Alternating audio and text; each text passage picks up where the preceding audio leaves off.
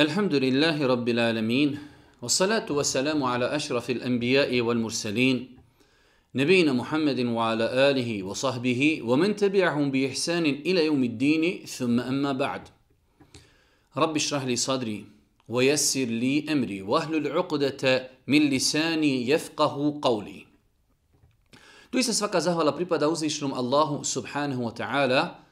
Salavat mir i selam na Allahog poslanika, Allahog miljenika Muhammeda, alihi salatu wasalam, njegovu časnu porodcu, njegove uzorte ashabe i sve ljude koji slijede put istine do sudnjega dana. Uvažna braćo i poštovani sestre, uvaženi gledatelji, evo nas u još jednoj emisiji u kojoj se družimo sa odabranim ajetima iz Kur'ana. Vjerujem da velik broj vas koji redovno prate naš rad zna da smo mi u Ramazanu počeli sa ovim serijalom emisija gdje smo u deset emisija obrađivali odabrane ajete iz prvih deset, aje, iz prvih deset džuzeva Kur'ana. Nakon Ramazana nastavili smo srijedom i četvrtkom da komentarišemo odabrane ajete iz Kur'ana, ali smo počeli jednim novim principom i metodom, a to je da pokušavamo E, dok su još na redu u Kur'anu ovi malo duže sure koje imaju deset i više stranica, da za svako predavanje odabiremo određene ajete iz jedne sure. Evo večeras, ako Bog da se družimo sa odabranim ajetima sure El Isra. Sura El Isra i sura Kehf, znači ako Bog da, njih ćemo tretirati danas i u sljedećem predavanju i time smo, ako Bog da, prešli polovinu Kur'ana, što je za svakako E, jedna lijepa vijest i jedna, hajde da kažemo, stimulacija da insan, ako Bog da nastavi sa ovim projektom i do kraja Kur'ana.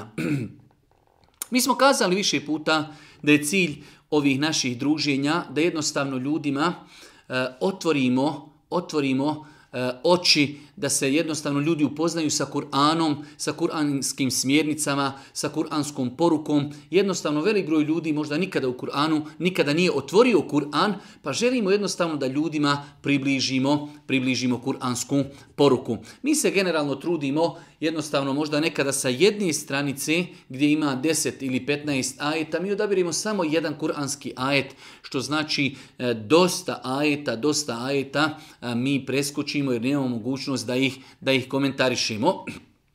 Gledamo da ajete koje odabiramo to budu e, široki ajeti, jednostavno kao neka kuranska pravila za naš svakodnevni život.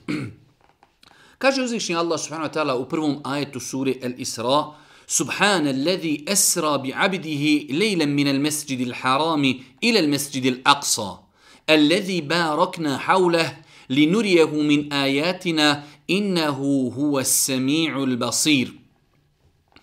Hvalje neka je onaj koji je u jednom času noći proveo i preveo svoga roba iz hrama časnog u hram daleki, čiju smo okolinu blagoslovili, kako bismo mu neka znamenja naša pokazali, on u istinu sve čuje i sve vidi. Prvi ajet sure El Isra.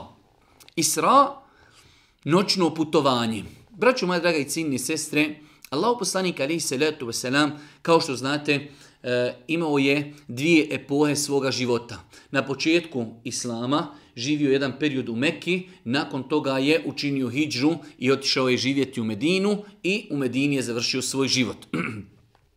Na samom početku kada je Allah poslanik ali se letu veselam počeo da poziva ljude u islam, doživio je velika, velika iskušenja od strane Kurešija, od strane mušrika Mekke, koji su jednostavno nisu mogli prihvatiti činjenicu da i Muhammed alaihi salatu wasalam poziva jednom Allahu, jednom gospodaru, stvoritelju zemlje i nebesa, poziva ih da ostavi robovanje kipovima i svojim božanstvima pa su zbog toga Božji poslanik ali se letu veselam e, podvrgnuli razno raznim iskušenjima Muhammed ali se letu veselam i ljude koji su ga slijedili e, na putu istini. U datom periodu Allah poslanik ali se letu veselam bio je podvrgnut jednoj izolaciji u kojoj smo mi govorili u više svojih predavanja da su jedan period Kurejšije izolovale Allahu poslanika ali se letu veselam njega i njegovo pleme, bez obzira što njegovo pleme u tom momentu još nije bilo primilo islam, ali su ih izolirali ekonomski tako da su jednostavno živjeli jedan e, izuzetno težak period, znači mučili se i gladni i žedni, e, zaista, zaista jedan veoma, veoma težak, jedan veoma težak period.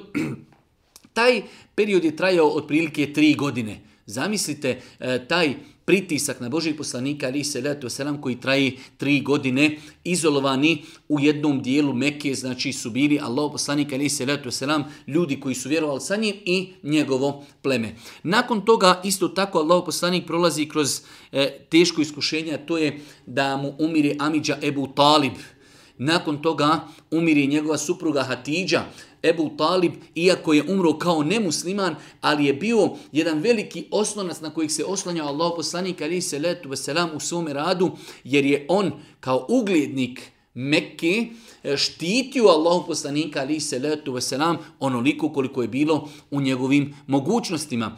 Hatidža radijallahu ta'ala na prva supruga Božijeg poslanika alihi se letu veselam prva žena koja je primila islam također je bila jedan veliki oslonac u životu Božijeg poslanika alihi se letu veselam pa je znači e, u ovom periodu Allah poslanik je imao tri godine izolacije, umire Muamidža Ebu Talib, umire Hatidža radijallahu ta'ala anha, Isto tako doživljava Allah poslanik jedno veliko iskušenje prilikom odlaska u Taif, gdje su stanovnici Taifa istirali Božijeg poslanika, zakamenjali ga kamenjem, raskrvarili lice Božijeg poslanika, ali se letu selam. Sve su to bili teški momenti kroz koje je prolazio Allah poslanik, ali se letu selam, ali uzvišen je Allah subhanahu na kraju svega toga, pripremajući Allah poslanika da učini hijđru iz Mekke u Medinu, čini, znači i daje Allahom poslaniku jednu veliku muđizu i potom je ova sura i nosi ime El Isra, noćno putovanje. Allah poslanik ali se letu selam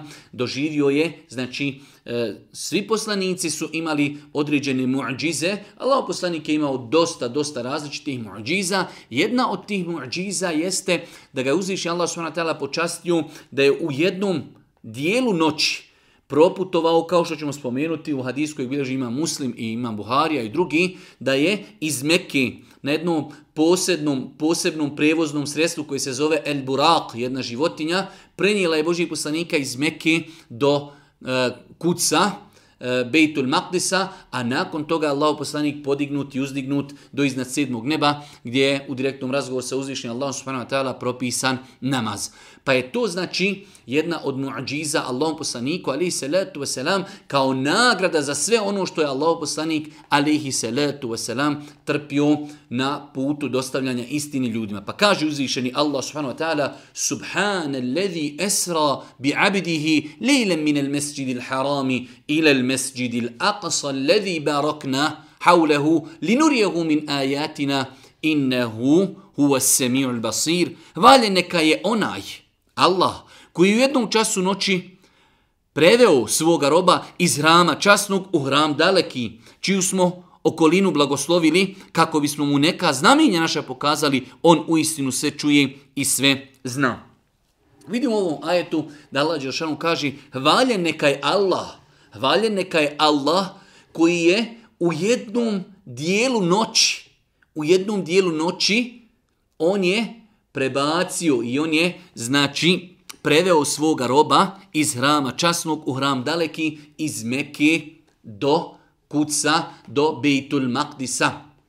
Kažu islamski učenjaci, e, analizirajući ovo pitanje, pošto je bilo nekih ljudi koji su smatrali da se to desilo samo u snu, da je to Allah poslanik ali se letu selam sanjao, što nije tačno, apsolutna velika većina e, učenjaka ummeta smatrala je da je ovo znači e, putovanje Isra'a od Mekke do Kudsa, do Bejtul Maktisa, a nakon toga uzizanje e, eh, na sedmo nebo, iznad sedmog neba, da je se to sve desilo, znači baš lično Božim poslaniku tjelesno. Zato Allah, e, uzvišnji Allah kaže, valje neka je onaj koji jednom času noći preveo svoga roba, preveo svoga roba, nije to znači bilo u snu, već je on prenesen.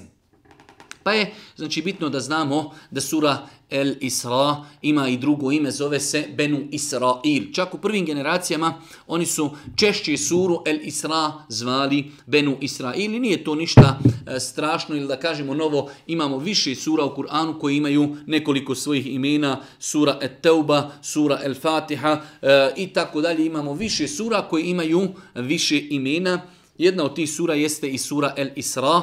E, Jedno od njenih imena jeste i sura Benu Israil, jer govori, vidjet ćemo poslije o Benu Israilu.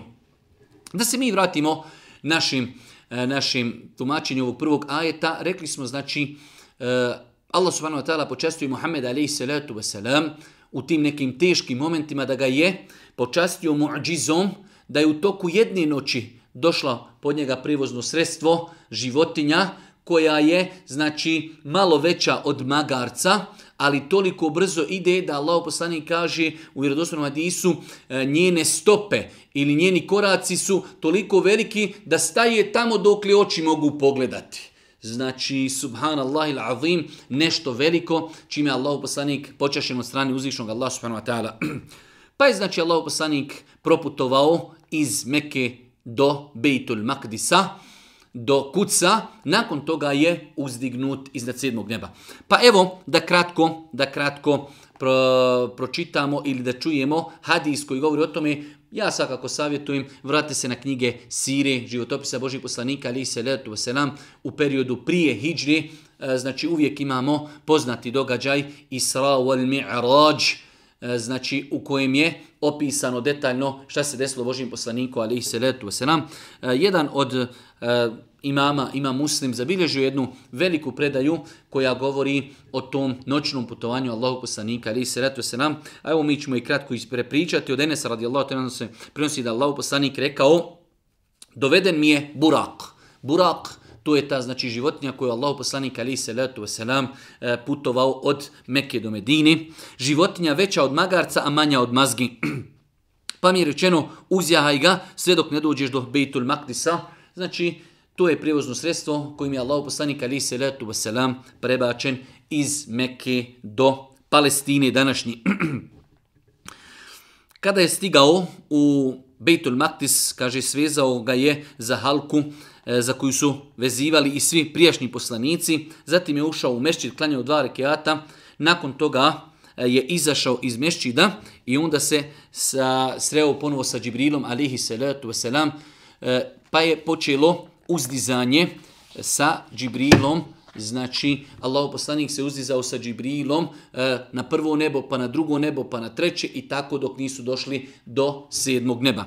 Kaže Allah poslanik, e, došli smo do prvog neba, pa je zatražio Džibril dozvolu da se otvore nebeske kapije, da prođu, pa, je, pa su ga upitali ko je, pa je rekao Džibril, a ko je s tobom, pa je kazao sa mnom je Muhammed alihi salatu wasalam, pa su se oni čudili, a zar je došlo vrijeme da je on već poslan, zar je došlo vrijeme da je on poslan, nakon toga su im otvorili vrata, tu su vidjeli Adema alaihi salatu wasalam koji se selamio sa Božim poslanikom, izrazio mu dobrodošlicu, pa su nastavili, isti slučaj bio sa drugim nebom gdje su tražili dozvolu, pa je upitano ko je, pa ko je s tobom, pa zar je već Muhammed poslan, na drugom nebu su vidjeli e, Isusa, Isa ibn Marjama, sina Merjeminog i Jahju ibn Zekerijaha.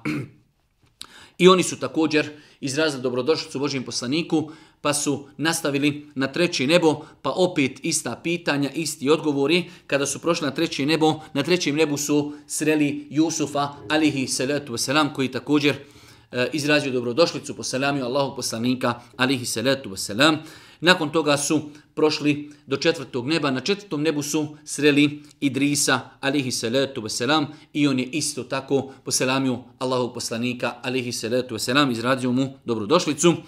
Na petom nebu su sreli Haruna, Musaovog, alihi salatu wasalam, brata, eh, pa je i on poselamio Allahog poslanika, alihi salatu wasalam, izrazio mu dobrodošlicu, a oni su nastavili na šesto nebo, E, opet ista pitanja, isti odgovori, otvara se šesto nebo, pa su prošli i tu su sreli Musa, alihi salatu wasalama, koji je poselamio Allahu poslanika, izrazio mu dobrodošlicu, nakon toga su zatražili otvaranje nebeskih kapija na sedmom nebu, pa im je otvoreno, tu su vidjeli Ibrahima, alihi salatu wasalam, kako je svojim leđima naslonjen na Bejtul Ma'mur, a u Bejtul Ma'mur svakog dana ulazi 70.000 meleka i ne vraćaju se više nikada u, ta, u tu nebesku kjabu.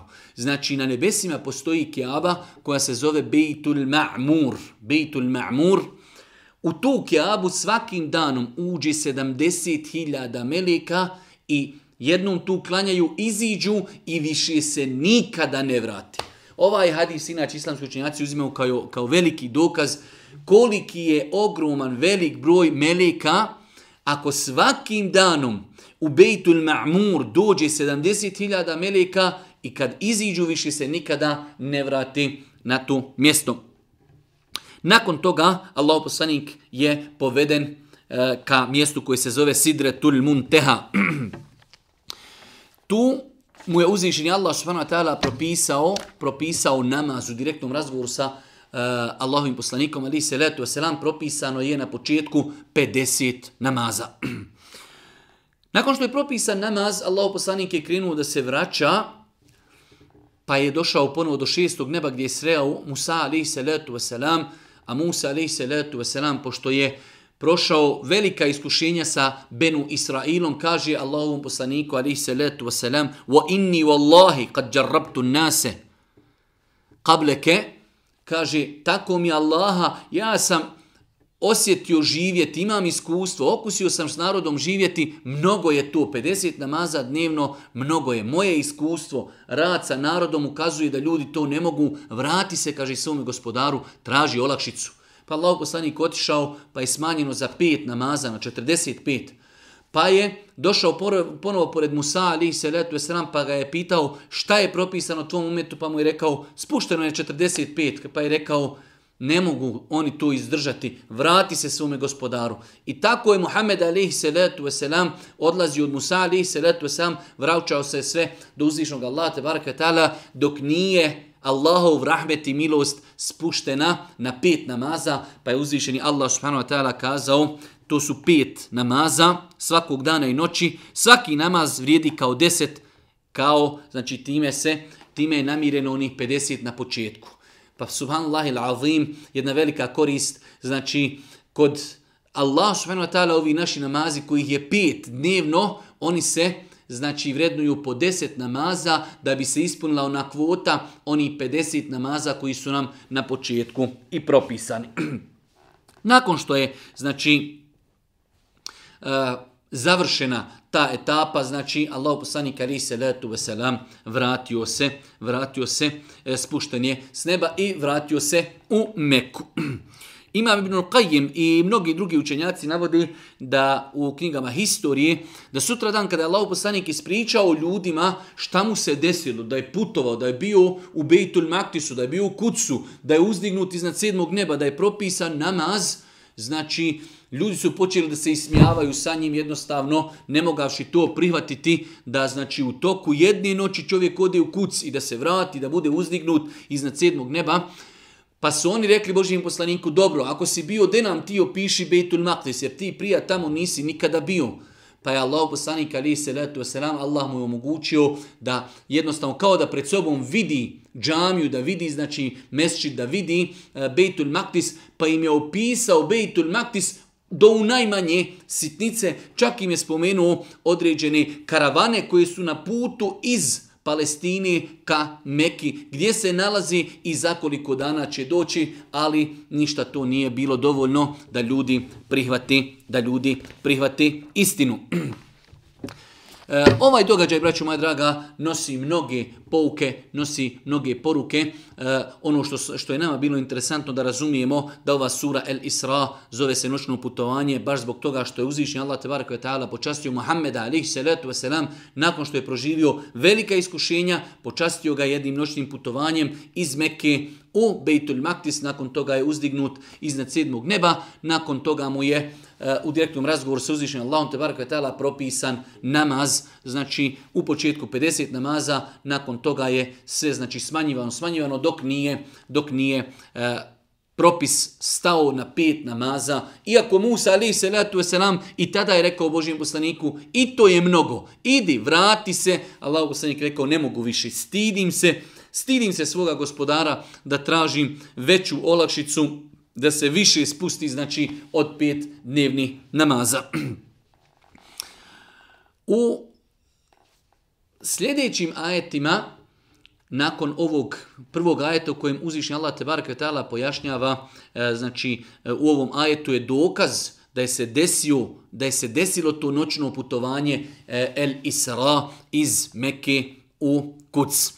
Nakon toga uzvišen Allah subhanahu wa ta'ala govori o Benu Israilu, e, jedna interesantna teza. E, mi ćemo samo kratko pročitati nekoliko ajeta, a ajet posljednji nam je najinteresantnija, to je to nam je osmi ajet. I mi smo u knjizi objavili sinovima Israilovim, Benu Israilu. Vi ćete doista dva puta nered na zemlji učiniti i preko, preko mjere oholi postati. Allah Želšanu kaže, mi smo vam to pojasnili, mi smo vam objavili, vi to znate, vi ćete o sinovi Israilovi, o Benu Israil, dva puta ćete praviti velike, ogromne nerede na zemlji. I kada dođe vrijeme prve od dvije prijetnje, poslaćemo protiv vas robove naše, silno moćne. Oni će uzduži poprijeko zemlju vašu pregaziti i prijetnja će se ispuniti. Zatim ćemo vama dati pobjedu protiv njih i pomoći ćemo vas i mecima i sinovima i učinit ćemo vas brojnim. Sve što činite, činite sebi i dobro i zlo. A kada dođe vrijeme druge prijetnje, poslaćemo ih da na licima vašim tugu i jad ostavi i da u hram, kao i prvi put, ponovo provali i da sve što osvoji do temelja poruši. I gospodar vaš će vam se opet smilovati. Ako vi ponovo započnite, započet ćemo i mi, a džehennem smo za nevjernike tamnicom učinili. Vidjeli smo ovdje uzvišnji Allah subhanahu wa ta'ala pojašnjava da je objavio i pojasnio Benu Israilu da će imati u životu dva velika pada. U historiji će imati dva velika pada, odnosno prvu imaće dva velika uspona, nakon toga će doživjeti velike padove. E, postoje tu zaista mnogo, mnogo različitih mišljenja kod islamskog učenjaka da li su ova oba dvije ove prijetnje već historijski se obistinile ili je se obistinila jedna, a druga se još nije obistinila. E, teško je sada, hajde da kažem o tome govoriti jer ne postoji indicije, niti postoje neki jasni dokazi da bi mogli tvrditi jedno ili drugo. Iako velika, apsolutna velika većina mufesira smatra da su ove prijetnje dvije se već obistinile. Da je uzvišnji Allah subhanahu wa ta'ala davao Benu Israilu da znači dostignu veliko dostignuće dunjalučku, ali se oni odaju nerijed, odaju se fesadu, odaju se griješenu, pa im Allah pošalje ljude koji će ih znači, hajde da kažemo skoro pa uništiti. Ali ono što je došlo u ovom osmom ajetu, to je nama bitno, kaže uzvišeni Allah, a ako vi započnite, wa in rudtum rudna, ako se vi vratite fesadu, vratite se onome što vam je zabranjeno,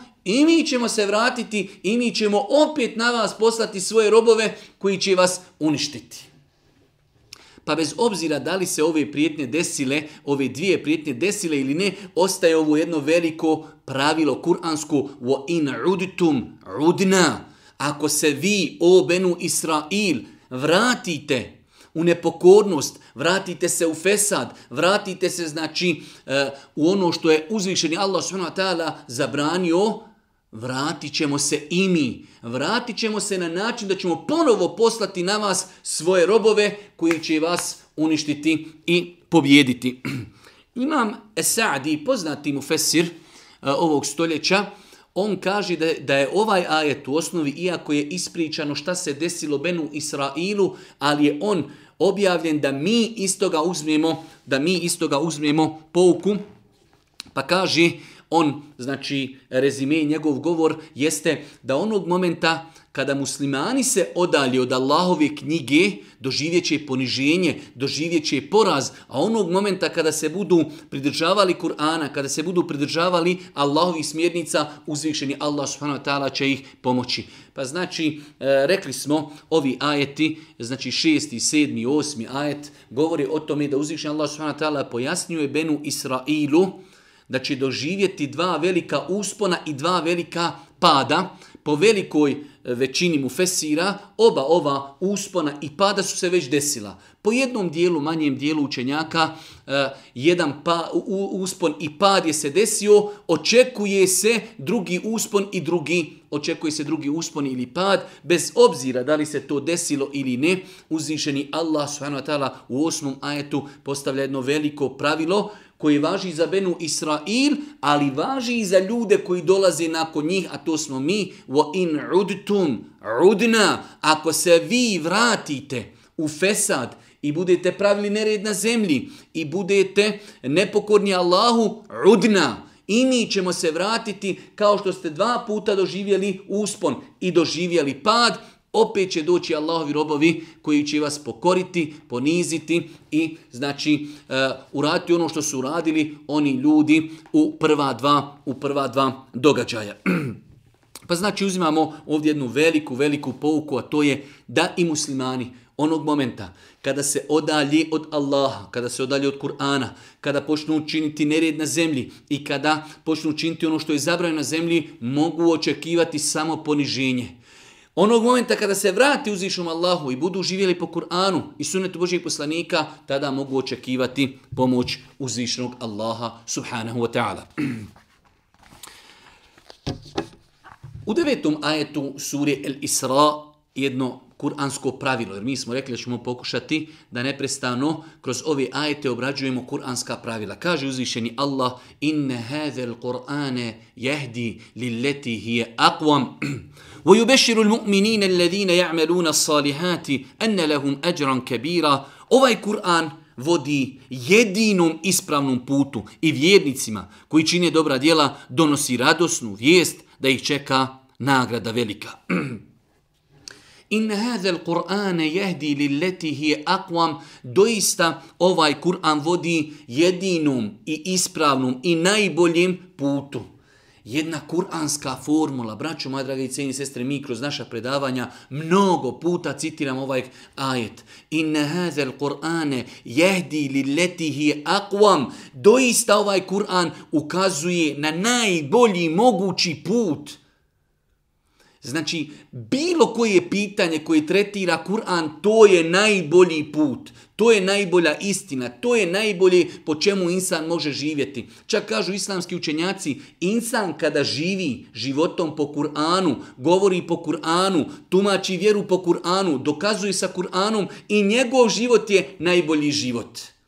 Pa muslimani ako žele prosperitet, Muslimani ako želi uspjeh na dunjaluku prije ahireta, najbolji put je put Kur'ana. Allah sani kaže inna Allahe jerfe'u bi hadhel kitabi aqwamen.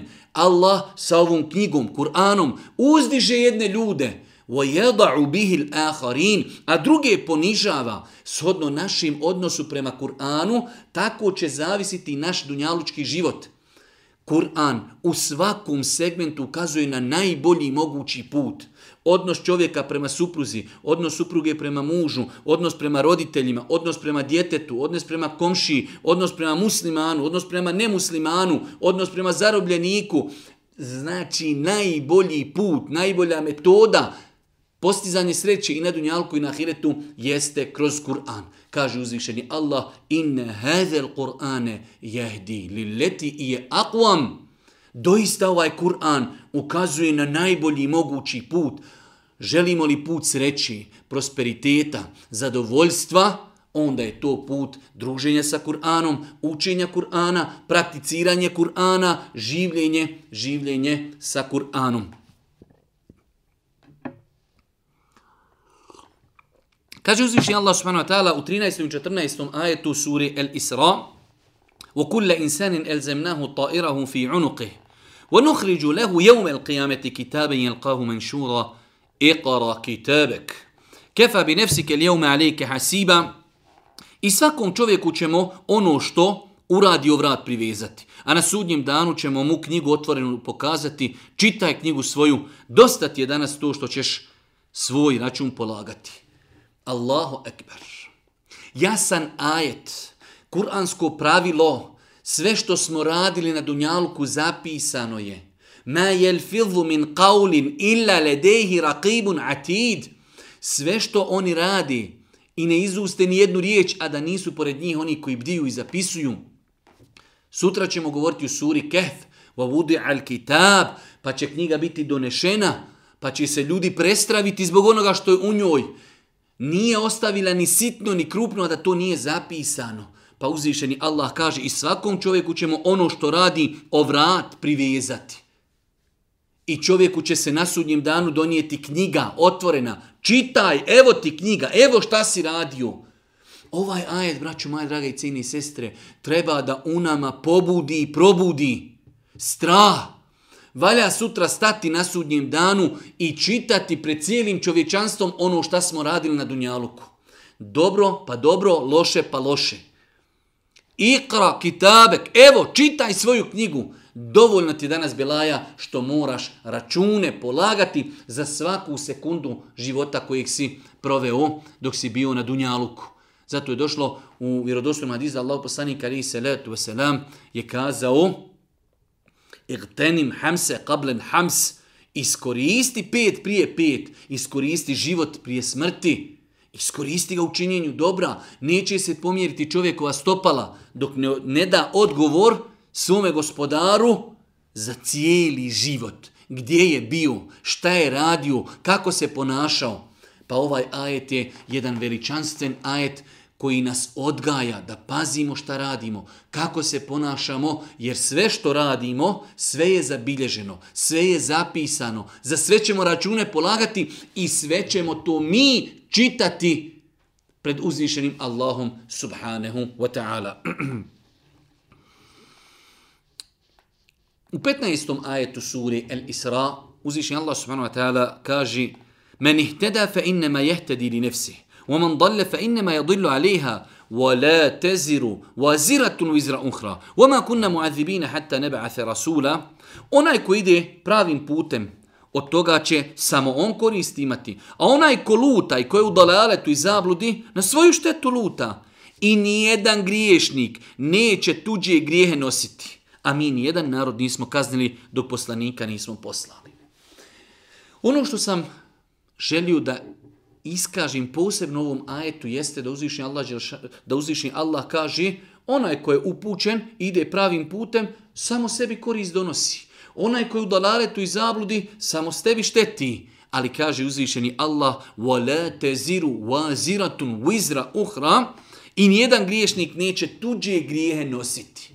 Braćo, madraga i cijeni sestre, Nerijetko se dešava da ljudi čujemo izjavu, kaže radi tako, ja snosim zbog toga grijehe, ja ću odgovarati, ja... Ne, ne, ne, ne, ne. Insan kada uradi grijeh, on će za njega odgovarati. Nemoguće je da neko odgovara za tuđi grijeh. Može se desiti da insan poziva ljude u grijeh, pa oni čine grijeh. Oni će biti griješni zbog svog grijeha, a on će biti griješan što ih je pozivao, ali njima ostaje njihov grijeh. Zato, braću, moja draga i sestre, nemoj da se poigravamo. Kada vidimo nekog drugog, pa kako on može? Pa ovaj je rekao, pa ovaj kaže, ako je to grijeh, ja snosim odgovornost. Ostavite se toga. Niko ne snosi za nas naš grijeh. Svi ćemo mi biti pitanje, ovo je jedna velika kuranska formula i jedna veliki islamski princip adla i e, pravednosti. Ako si uradio grije, za njega ćeš odgovarati. Ko uradi trun dobra, vidjet će ga. Ko uradi trun zla, vidjet će ga. Trun zla uradio, za njega valja odgovarati. Wala teziru waziratun wizra uhra. Nijedan griješnik neće nositi tuđe grijehe on će nositi odgovornost što je ljude pozivao, ali neko uradio grijeh, on će odgovarati za grijeh koji je počinio.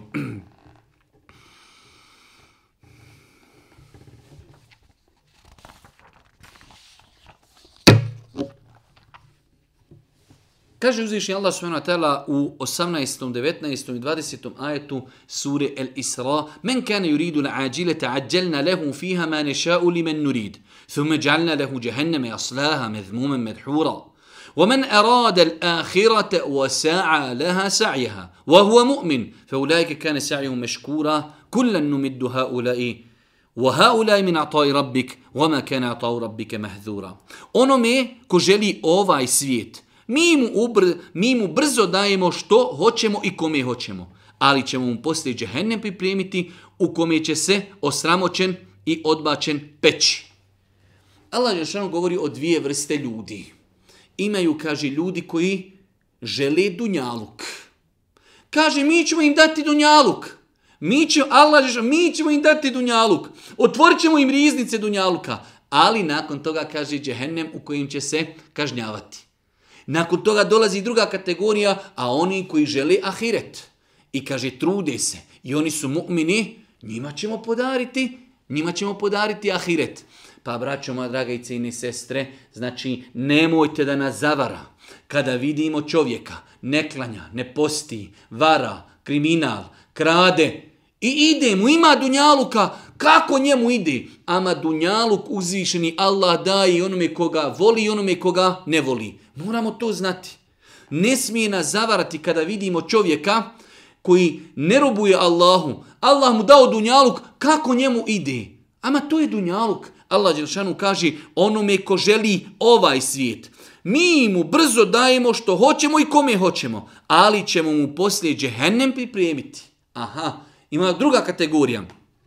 A onaj ko želi onaj svijet i trudi se da ga zasluži, a vjernike, trud će mu hvali je vrijedan biti. Svima njima i jednima i drugima dajemo darove gospodara tvoga, a darovi gospodara tvoga nisu nikome zabranjeni.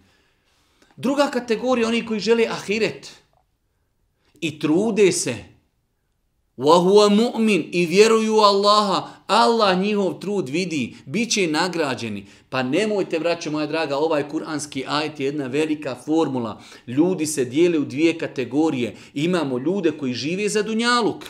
Ne interesuju gospodar, ne interesuju propisi, nema kod njih haram, nema kod njih halal. Sve je kod njih halal, nekada se oni u tom svom halu spuštaju na nivo koji je gori od nivoa životinja i stoke.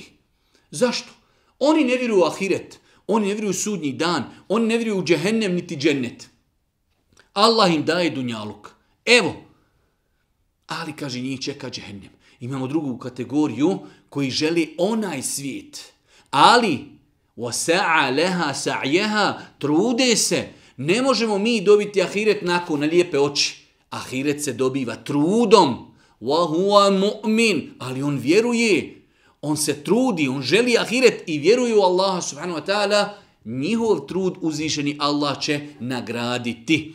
Pa insan ne smije da bude zaveden, ne smije da bude zbunjen. Kada vidi insana, Allah mu otvorio riznice. Pogledaj koliko ima milioni, milijarde, jahte, fabrike, a ne vjeruje u Boga. To je znači, to je samo dunjaluk. Doći će kažnjavanje na ahiretu.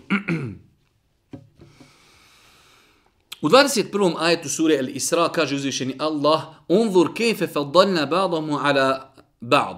Volel ahiratu ekberu darađatin wa ekberu tafdila. Gledaj kako jednima dajemo prednost na drugima, a na onom svijetu razlika u stepenima i prednostima bit će doista veća. Pogledaj, Allah Žešanu kaže, pogledaj kako se na dunjalku ljudi razlikuju. Imate siromašne, imate bogate, imate zdrave, imate bolesne, imate ugledne, imate manje ugled, imate poznate, imate manje poznate i tako dalje. Pa su to stepeni. Ali kaži, stepenovanje na ahiretu je mnogo, mnogo veći. Kakva je razlika na, na Dunjaluku i na ahiretu kad ne, ne daj Bože neko zasluži ahiretsku kaznu? Zasluži, zasluži kažnjavanje u vatri koja je 70 puta žešća od ove, od ove dunjalučke vatri. Sam ulazak u džennet, to su velike razlike i veliki stepeni, samo stotinu različitih stepeni uzvišeni Allah je pripremio za muđahide na Allahovom putu. Pa, se, pa će znači razlike na ahiretu biti mnogo, mnogo veće od dunjalučkih razlika među ljudima u njihovom dunjalučkom životu.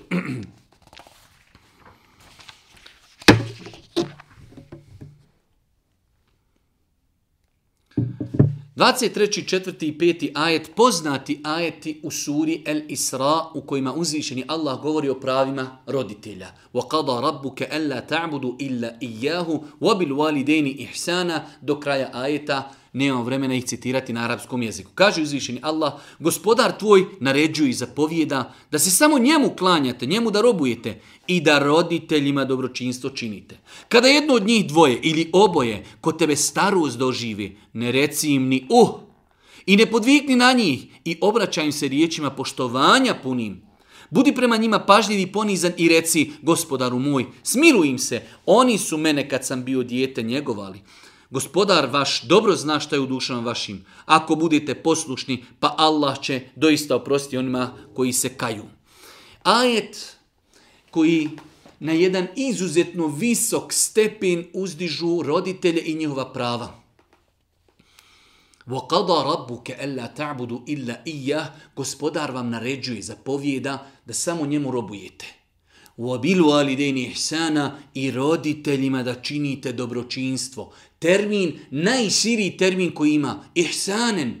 Bilo šta što može čit, biti dobro za njih, da im to činiš. Čak i ako su nemuslimani, Allahu ekber, kako je Islam lijep, kako je savršen, kako je univerzalan, kako je potpun, kako je dobar, kako je plemenit, roditelj nemusliman. musliman neće da robuje Allahu. Dijete ima obavezu da čini svom roditelju dobročinstvo. Zašto? Jer je on njegov roditelj bez obzira što se razlikuje vjera, bez obzira što se razlikuje religija, ostaje obaveza dobročinstva prema roditelju. Sve dok ti roditelji ne traži od svoga djeteta da uradi nešto što je zabranjeno vjerom. Pa kaže uzvišeni Allah, Gospodar tvoj zapovijeda se samo njemu klanjate i robujete. I da roditeljima doručinstvo činite. Kada jedno od njih dvoje ili oboje kod tebe starost doživi, ne reci im ni uh. Kada kod tebe starost, ne u staračkom domu, kako uzvišeni Allah pojašnjava. Svaka riječ ima značenje. Kada jedno ili oboje kod tebe starost doživi. Danas jedan od najboljih projekata po Evropi jeste otvaranje staračkih domova. Neće djeca da izmete svojim roditeljima. A najpotrebnije je izmetiti u starosti. Poslije će nam Allah spomenuti kada dovimo za roditelje, smiluj im se kao što su se oni smilovali nama kad smo bili u djetinstvu. Pa roditelj tebe pazi kada si dijete, a ti njega paziš kada ostari.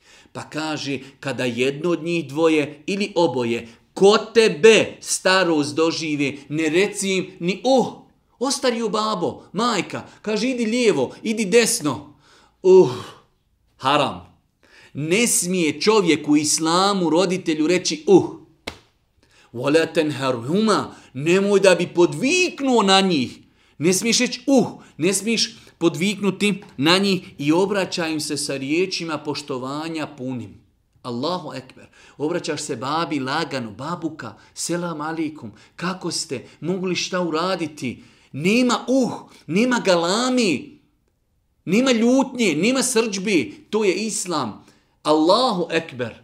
To je islam. Pogledajte na kakav nivo islam podiže roditelje. Nakon robovanja Allahu odma najbitniji ljudi u životu su naši roditelji. Budi prema njima pažljiv i ponizan i reci, gospodaru moj, smiluj im se. Oni su mene kada sam dijete bio njegovali. Aha, smiluj im se. Zašto? Kada sam bio malehan, oni su mene ljuljali, oni su me hranili, oni su me pazili, oni su me doktoru vodili, zato im se gospodaru sada kada su ostarili i kada su umrli, smiluj im se i oprosti im grijehe. Pa je ovo, braću moja draga i cijeni sestre, jedan ajet o kojem bi se doista mnogo toga moglo kazati, ali evo mi smo skučeni sa vremenom, a ono što je bitno da uzvišeni Allah nakon što je naredio da se samo njemu robuje, odmah nakon toga stavlja pravo roditelja i kaže ihsana, činite im svaki vid dobročinstva. Nemoj da na njih podviknite, nemoj da im kažete, uh, dovite za njih, kada ostari kod vas, na njih pazite i tako dalje. Pa zahvaljujemo uzvišenom Allahu koji nam je objavio ovakvu knjigu u kojoj se na ovakav nivo i na ovakav stepen uzdišu, uzdižu roditelji. Roditelji treba da budu najprioritetnije osobe u našem životu, da nikomi ne dajemo pravo i da dajemo prednost nad svojim roditeljima. Svakako ovo ne isključuje i dijete naše ima pravo i supruga ima pravo, ali i roditelji imaju pravo koje ne smijemo nikako zapostaviti, niti zaboraviti, niti nekome dati prednost nad pravom naših roditelja. Nakon toga uzvišnji Allah s.w.t. u suri El Isra pojašnjava mnoge propise koji nam ukazuju kako islam, kako islam uvijek zauzima središnjost i umjerenost. Pa kaže uzvišeni Allah: "Wala tajal yadaka maglula ila unuqika, wala tabsutha kulla al-basti fataq'ud maluman mahsura. Ne drži svoju ruku stisnutu, ani posve otvorenu, da ne bi prijekor zaslužio i bez ičega ostao. Kada Allah Žešanu odgaja ljude da udjeljuju, pogledajte, kaže, nemoj da škrtariš, jer će te ljudi kritikovati. Ali nemoj previše da daješ pa ćeš ostati bez imetka. Allahu ekber. Pogledajte kako je vjera islam umjerena i kako je, kako je znači uvijek ide u korist insanu. Udjeljuj, treba da udjeljuješ, ali u svemu tome mora biti umjerenost i sredina. Nemoj da udjeljuješ previše, pa da ostaneš bez imetka. Ali isto tako nemoj da budeš škrt. Imaš imetka, ljudi oko tebe potrebni, ljudi umiru od gladi, a ti škrtariš. Pa Islam nas poziva da budemo u svemu umjereni, pa čak i u ibadetu, pa čak u udjeljivanju. Nemoj biti škrt, jer će te ljudi kritikovati, ljudi će te prezirati, ljudi će te mrziti, jer ne daš, škrtariš, titiz. Ali isto tako, Nemoj bacati, nemoj razbacivati, nemoj previše davati, pa da sutra ti budeš mutač i da ti budeš potreban. U drugom ajetu, nakon ovog 30. ajet, kaže uzvišeni Allah Inna rabbeke jebsu tu rizqa lima men ješavu jakdir, innehu kane bi ibadi habiran basira. Gospodar tvoj pruža obilnu obskrbu onome kom je hoće, a i ograničava je kom je hoće, jer on zna i vidi robove svoje. Allah je taj koji daje na faku. Allahu ekber. Allahu jebsutu rizqahu ni men ješa'u wa jaktir. Allah daje kome hoće i uskraćuje kome hoće. Ovaj ajet nas odgaja da ne zavidimo ljudima. Prvo ajet koji nam daje smjernice da udjeljujemo umjereno. Nakon toga ajet koji nam kazuje Allah je taj koji daje na faku. On je propisuje, on je određuje Nekome daje više, nekome daje manje. Iz mudrosti koja je njemu poznata. Onaj ko ima više, odgovarat će više. Onaj ko ima manji, odgovarat će manji. Allah zna zašto je nekome dao više, a nekome manji.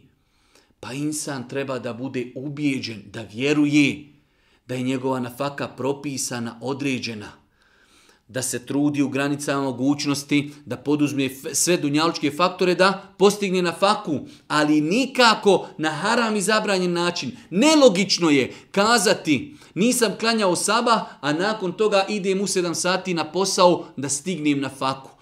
Idem da stignem na faku, a zaboravio na prava onoga koji mi daje na faku. Nelogično. Već ustajem na sabah, klanjam sabah, a u sedam sati idem za nafakom za kojim je naredio gospodar da, da je tražim i da je stičim. Ali nemoguće da zaboravim na onoga koji daje na faku, a to je uzvišeni Allah, pa nas ovi ajeti uči, odgajaju, kada udjeljujemo, dajemo umjereno, ne škrtarimo, ali i ne rasipamo. Nažalost, ima nas i koji škrtarimo, ali ima nas i oni koji rasipaju, da ne govorimo što ima oni koji rasipaju, tamo gdje je haram u kladionice za drogu i tako i tako dalje.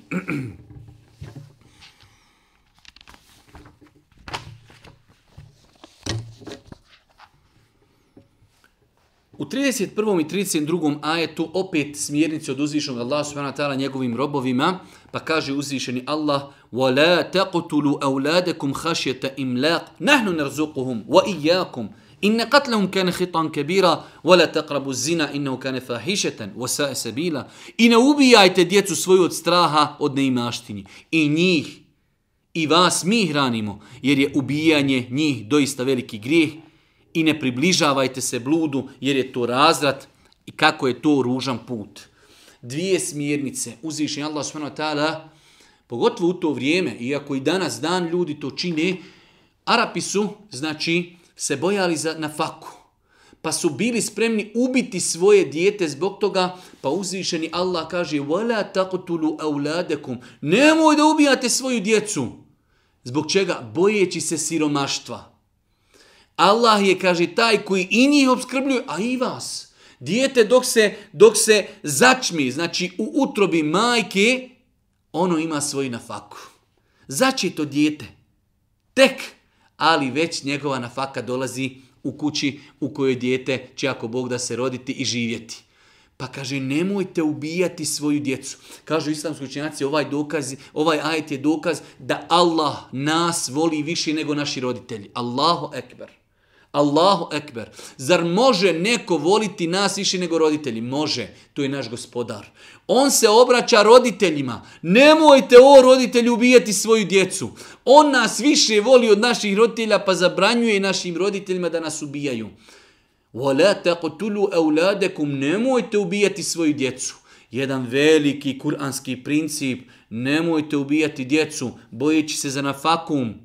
Allah je taj koji daje djeci na faku i daje i vama, daje i vama na faku.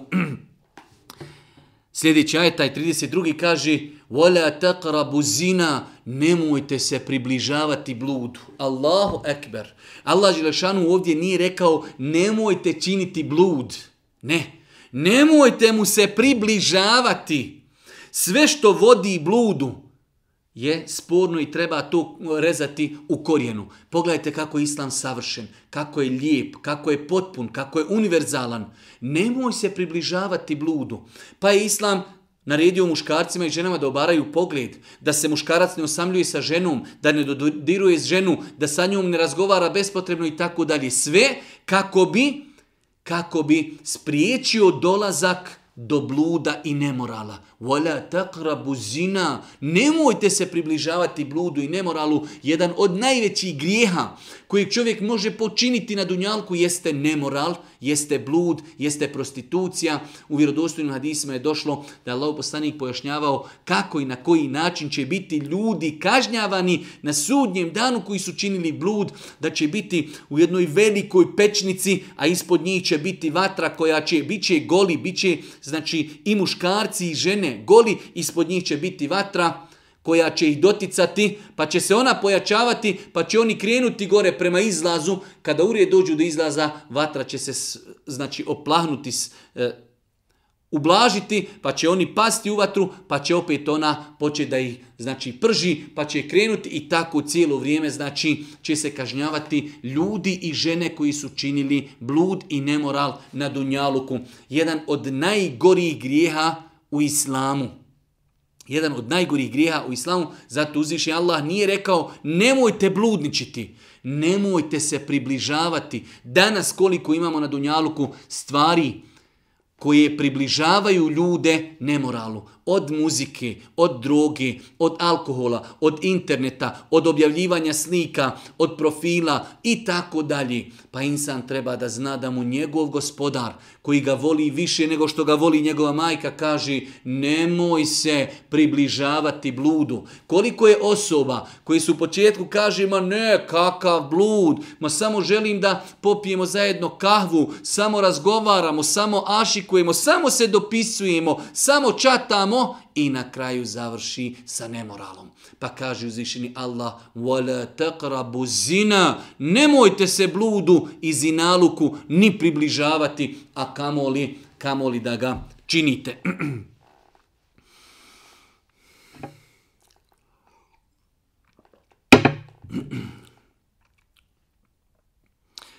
Kaže uzvišeni Allah subhanahu wa ta'ala u suri Al-Isra 36. ajet ولا تقف ما ليس لك به علم إن السمع والبصر والفؤاد كل أولئك كان عنه مسؤولا I ne povodi se za onim što ne znaš, i slud, i vid, i razum. Za sve ćete, za sve to će se zaista odgovarati. Jedno veliko kuransko pravilo ponovo, وَلَا تَقُفُ مَا لِيسَ لَكَ بِهِ عِلْمِ Nemoj se povoditi za nečim što ne znaš. Allahu ekber, koliko nam je danas ovaj kuranski ajet potreban. Nemoj tretirati nešto što ne znaš. Ako nisi studirao islam, ako nisi čitao knjige, ako se nisi e, edukavao u pogledu određenog pitanja, nemoj da o tome govoriš, nemoj da pričaš, nemoj da, da znači ulaziš u rasprave za koje nisi spreman. Kaže uzvišeni Allah i sluh, i vid, i razum. Za sve to će se sigurno odgovarati. Nemoj da se povodimo za onim što ne znamo, o čemu znanja nemamo. Nažalost, evo, ja sam dosta aktivan na društvenim mrežama. Imamo problem da se ljudi jedino svi miješaju u vjeru. Ljudi ne idu da govore doktoru medicinaru nije to ispravno. Niti idu informatičaru i kažu nije to ispravno. Ali svi dođu na profil kod daje, kod efendije, kod muftije, kod rejsa. Nije to ispravno. Treba ovako. A čovjek nikada u životu ni il Mihal nije od korice do korice pročitao. وَلَا تَقَفُوا مَا لِيسَ لَكَ بِهِ عِلْمِ Nemoj da tretiraš, nemoj da se povodiš za onim o čemu znanja nemaš. Jezik odgovarat ćeš, oči odgovarat ćeš, uši odgovarat ćeš, razum odgovarat ćeš. Za sve ćemo biti pitani šta smo radili i kako smo to koristili. Pa je ovo jedna velika kuranska formula koja nam liječi mnoge probleme, a to je da ljudi treba da govore o onome što znaju, o onome za što su kompetentni, s druge strane da se ne miješaju u stvari koje ih se ne tiču i za koje nisu kompetentni.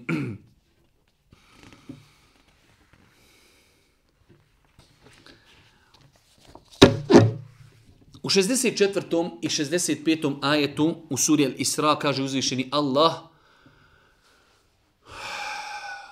واستفزز من استطعت منهم بصوتك وأجلب عليهم بخيلك وراجلك. وشاركهم في الأموال والأولاد وعدهم. وما يعدهم الشيطان إلا غرورا. إن عبادي ليس لك عليهم سلطان وكفى بربك وكيلا.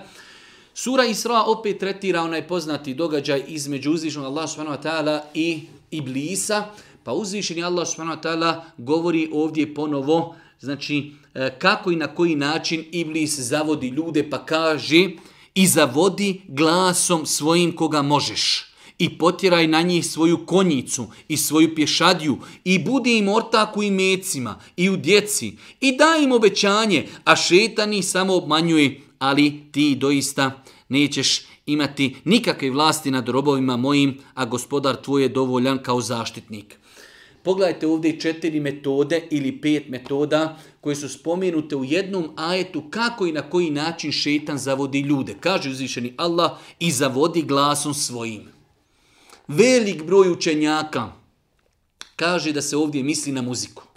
Pjesma koja je popraćena muzikom zavodi šetane ljude muzikom muzika kao glas, uz nju pjesma i tako da. Mi smo nedavno objavivali na našem profilu e, stav islamskih učenjaka u pogledu muzičkih instrumenata. Velik broj ljudi ne zna razliku između pjesme i muzike.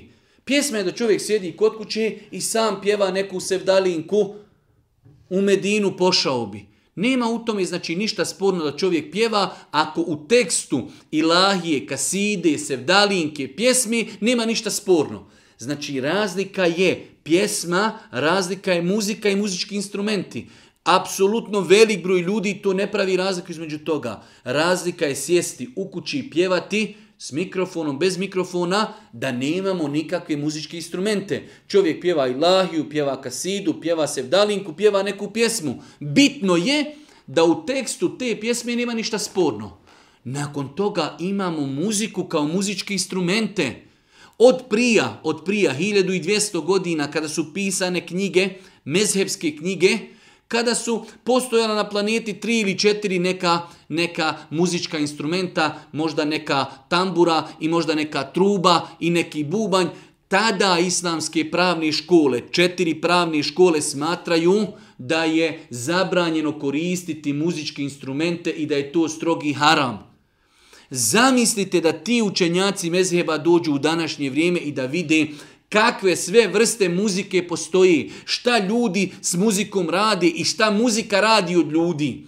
Ako su zabranili neku tamburu i zabranili neki, neku trubu i zabranili nešto što je znači daleko od stotinu puta od onoga što mi danas imamo, šta ljudi danas radi sa muzikom i šta radi od njih muzika.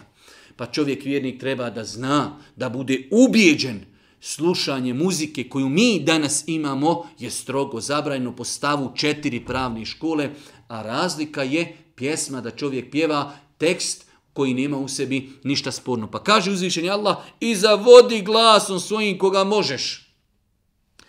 Svakako ispravno mišljenje mu fesira da ovdje glasom svaki glas koji poziva u neistinu, ne samo kao muzika i svi ljudi koji pozivaju nemoralu, svi ljudi koji pozivaju grijesima, svi ljudi koji ljude svojim glasom odaljavaju od Allaha, potpadaju pod ovaj ajet, da Allah Žešanu kaže šetanu i zavedi svojim glasom koga možeš. Potjeraj na njih svoju konjicu i pješadiju. Šetan ima vojske. Šetan ima pješadiju, ima konjicu s kojom napada na ljude. Allahu ekber. Tek tada insan vidi koliko smo slabašni i kada vidimo stotine i hiljade i stotine hiljada ljudi i po morima i po plažama i po koncertima i po utakmicama i nema gdje ih nema, čudimo se. Ama što ćemo se čuditi? Kaže, pokreni na njih i konjicu i pješadiju i svojim glasom samo zavodi. Pa kaže uzvišeni Allah i budi im ortaku i metcima i djeci. Budi im u imecima. Na haram način. Daj, ukrast, prevarit, kamata, mito, korupcija, pomakni menjik. Samo daj povećaj. Budi im ortak. Znači, budi ti udio u njihovom neispravnom načinu za zarađivanja i metka. Pa bilo koji neispravan način zarađivanja i metka potpada pod ovaj ajet. I budi im ortaku i metku. Nagovaraj ljude da kradu, da otimaju, da uzurpiraju, da uzimaju kamatu, da uzimaju mito. Sve to potpada pod ovaj ajet. I budi im ortaku i metcima i u djeci.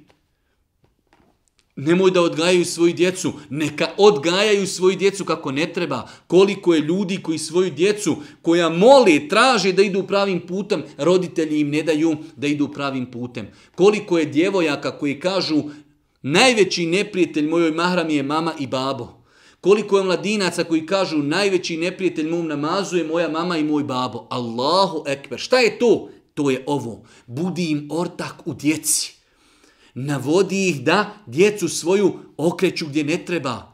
Roditelji svome djetu kažu, halo što ne ideš na koncert, halo što ti ne ideš na muziku, što ne ideš na ekskurziju i tako dalje. Roditelj umjesto da odgaja svoje dijete da ga čuva, on ga pita što ne ide u nemoral i što on ne ide tamo gdje ne treba da ide. Pa kaže, i daj im obećanje, a šetan ih samo obmanjuje. Wa'idhum, وَمَا يَعِدُهُمُ الشَّيْطَانُ إِلَّا غُرُورُ Obećavaj im, obećav, pokajaćeš se, samo idi, samo radi, doće vrijeme kada ostariš, nosit ćeš mahramu, kada ostariš, klanjaćeš, kada ostariš, ići ćeš, uradi grijeh, niko nije će saznati, obećavaj, samo obećavaj. A govorili smo u suri Ibrahim, kada je šeitan kaže ljudima, وَوَعَدْتُكُمْ فَأَحْلَفْتُكُمْ Ja vam obećavu, ja sam vam sve pronevjerio. Allah vam je obećao, njegovo obećanje je istina. Pa je ovo jedan veliki ajet koji nam govori o četiri ili pet metoda kako i na koji način šetan zavodi ljude. Pa je dobro da čovjek pročita ove ajete i da se preispita, da prepoznate načine kada vidi kako šetan zavodi ljude putem dalaleta i zablude.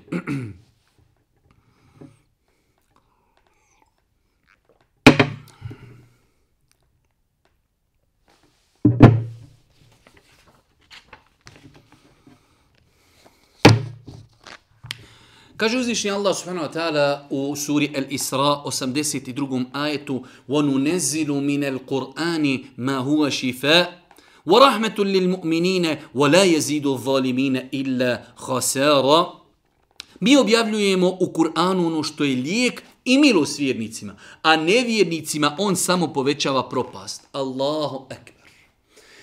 Allahu ekber kako kratak ajet, a kako sveobuhvatan. Ovo je opet jedna kuranska formula. وَنُ نَزِلُ مِنَ الْقُرْآنِ مَا هُوَ شِفَاءُ وَرَحْمَ Mi u Kur'anu objavljujemo ono što je lijek, ozdravljenje, izlječenje i milost. Aha, za mu'mine, one koji vjeruju Allah, vjeruju sudnji dan, vjeruju u Kur'an, njima je Kur'an lijek, njima je Kur'an milost. A kaže uzvišeni Allah, وَلَا يَزِيدُ الظَّالِمِينَ إِلَّا خَسَارًا A nevjernicima, on samo povećava propast. Allahu ekber.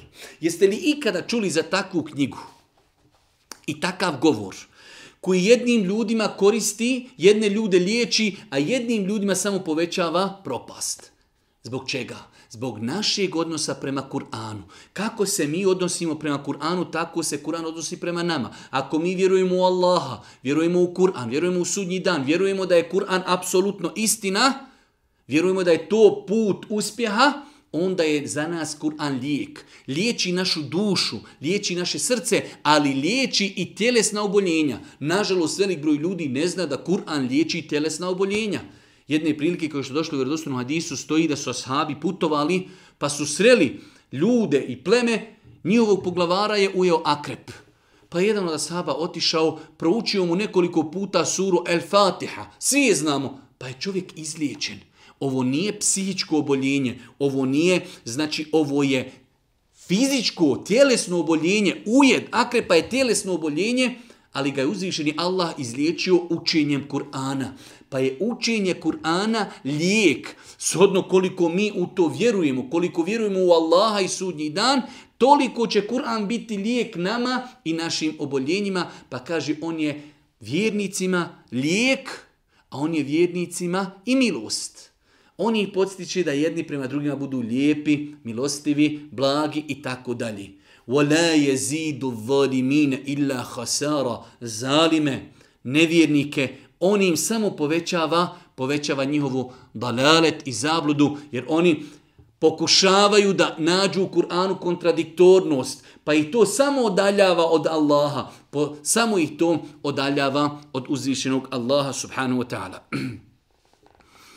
I na kraju posljednji ajet koji ćemo ako Bog da komentarisati iz suri El Isra jeste 88. ajet e, suri El Isra kaže uzvišeni Allah قل لئن اجتمعت الانس والجن على ان ياتوا بمثل هذا القران لا ياتون بمثله ولو كان بعضهم لبعض ظهيرا reci Kada bi se svi ljudi i džini udružili da sačini jedan ovakav Kur'an, oni takav kao što je on, ne bi sačinili pa makar jedni drugima pomagali. Allahu ekber opet onaj izazov uzvišenog Allaha i mi smo to nazvali dan kada je kapituliralo čovječanstvo. Ovo je najveći izazov, odnosno najniži vid izazova, da je uzvišeni Allah izazvao i ljude i džine, da se udruže zajedno i da oni izmisle i smisle Kur'an identičan ovom Kur'anu. Pa kada su, kada su odbili nemoguće, hajde deset sura, pa ne može, hajde makar jednu suru. Ali ovaj, znači, ovo je bio prvi izazov kada uzvišeni Allah kaže, reci, kada bi se svi ljudi i džini udružili da sačini jedan ovakav Kur'an, oni takav Kur'an kao što je on, ne bi sačinili, pa makar jedni drugima pomagali. I ljudi i džini, Amerika, Australija, Evropa, Bosna, svi ljudi i svi džini okupili se, informatika, kompjuteri, pjesnici, lingvističari, svi. Hajmo napisati Kur'an. Neće, nemoguće. Volen tef'alu. Allah Žešanu kaže u suri, a nećete to uraditi. Nemoguće. Ne Kur'an, deset sura, jednu suru. Čovječanstvo je kapituliralo. Samo ljudi ne žele da priznaju poraz. Ljudi ne žele da priznaju svoju slabost. Allah je iz, izazvao i kaže, dođite vi sa jednom surom kao što je Kur'anska sura. Nećete moći. Zašto? Jer je ovo govor uzvišenog Allaha, govor svevišnjeg Allaha, znači nemoguće, nemoguće da ljudski razum izmisli, smisli, napiše govor koji može parirati govoru uzvišenog Allaha subhanahu wa ta'ala. Molim Allah Đelšanu na kraju ovog našeg druženja da nas učesti na putu istine, da nam bude milostiv na sudnjem danu, da nam oprosti grijehe, da nas poduči propisima Kur'ana i na kraju subhaneke. Allahumma da bihamdike, أشهد أن لا إله إلا أنت أستغفرك وأتوب إليك.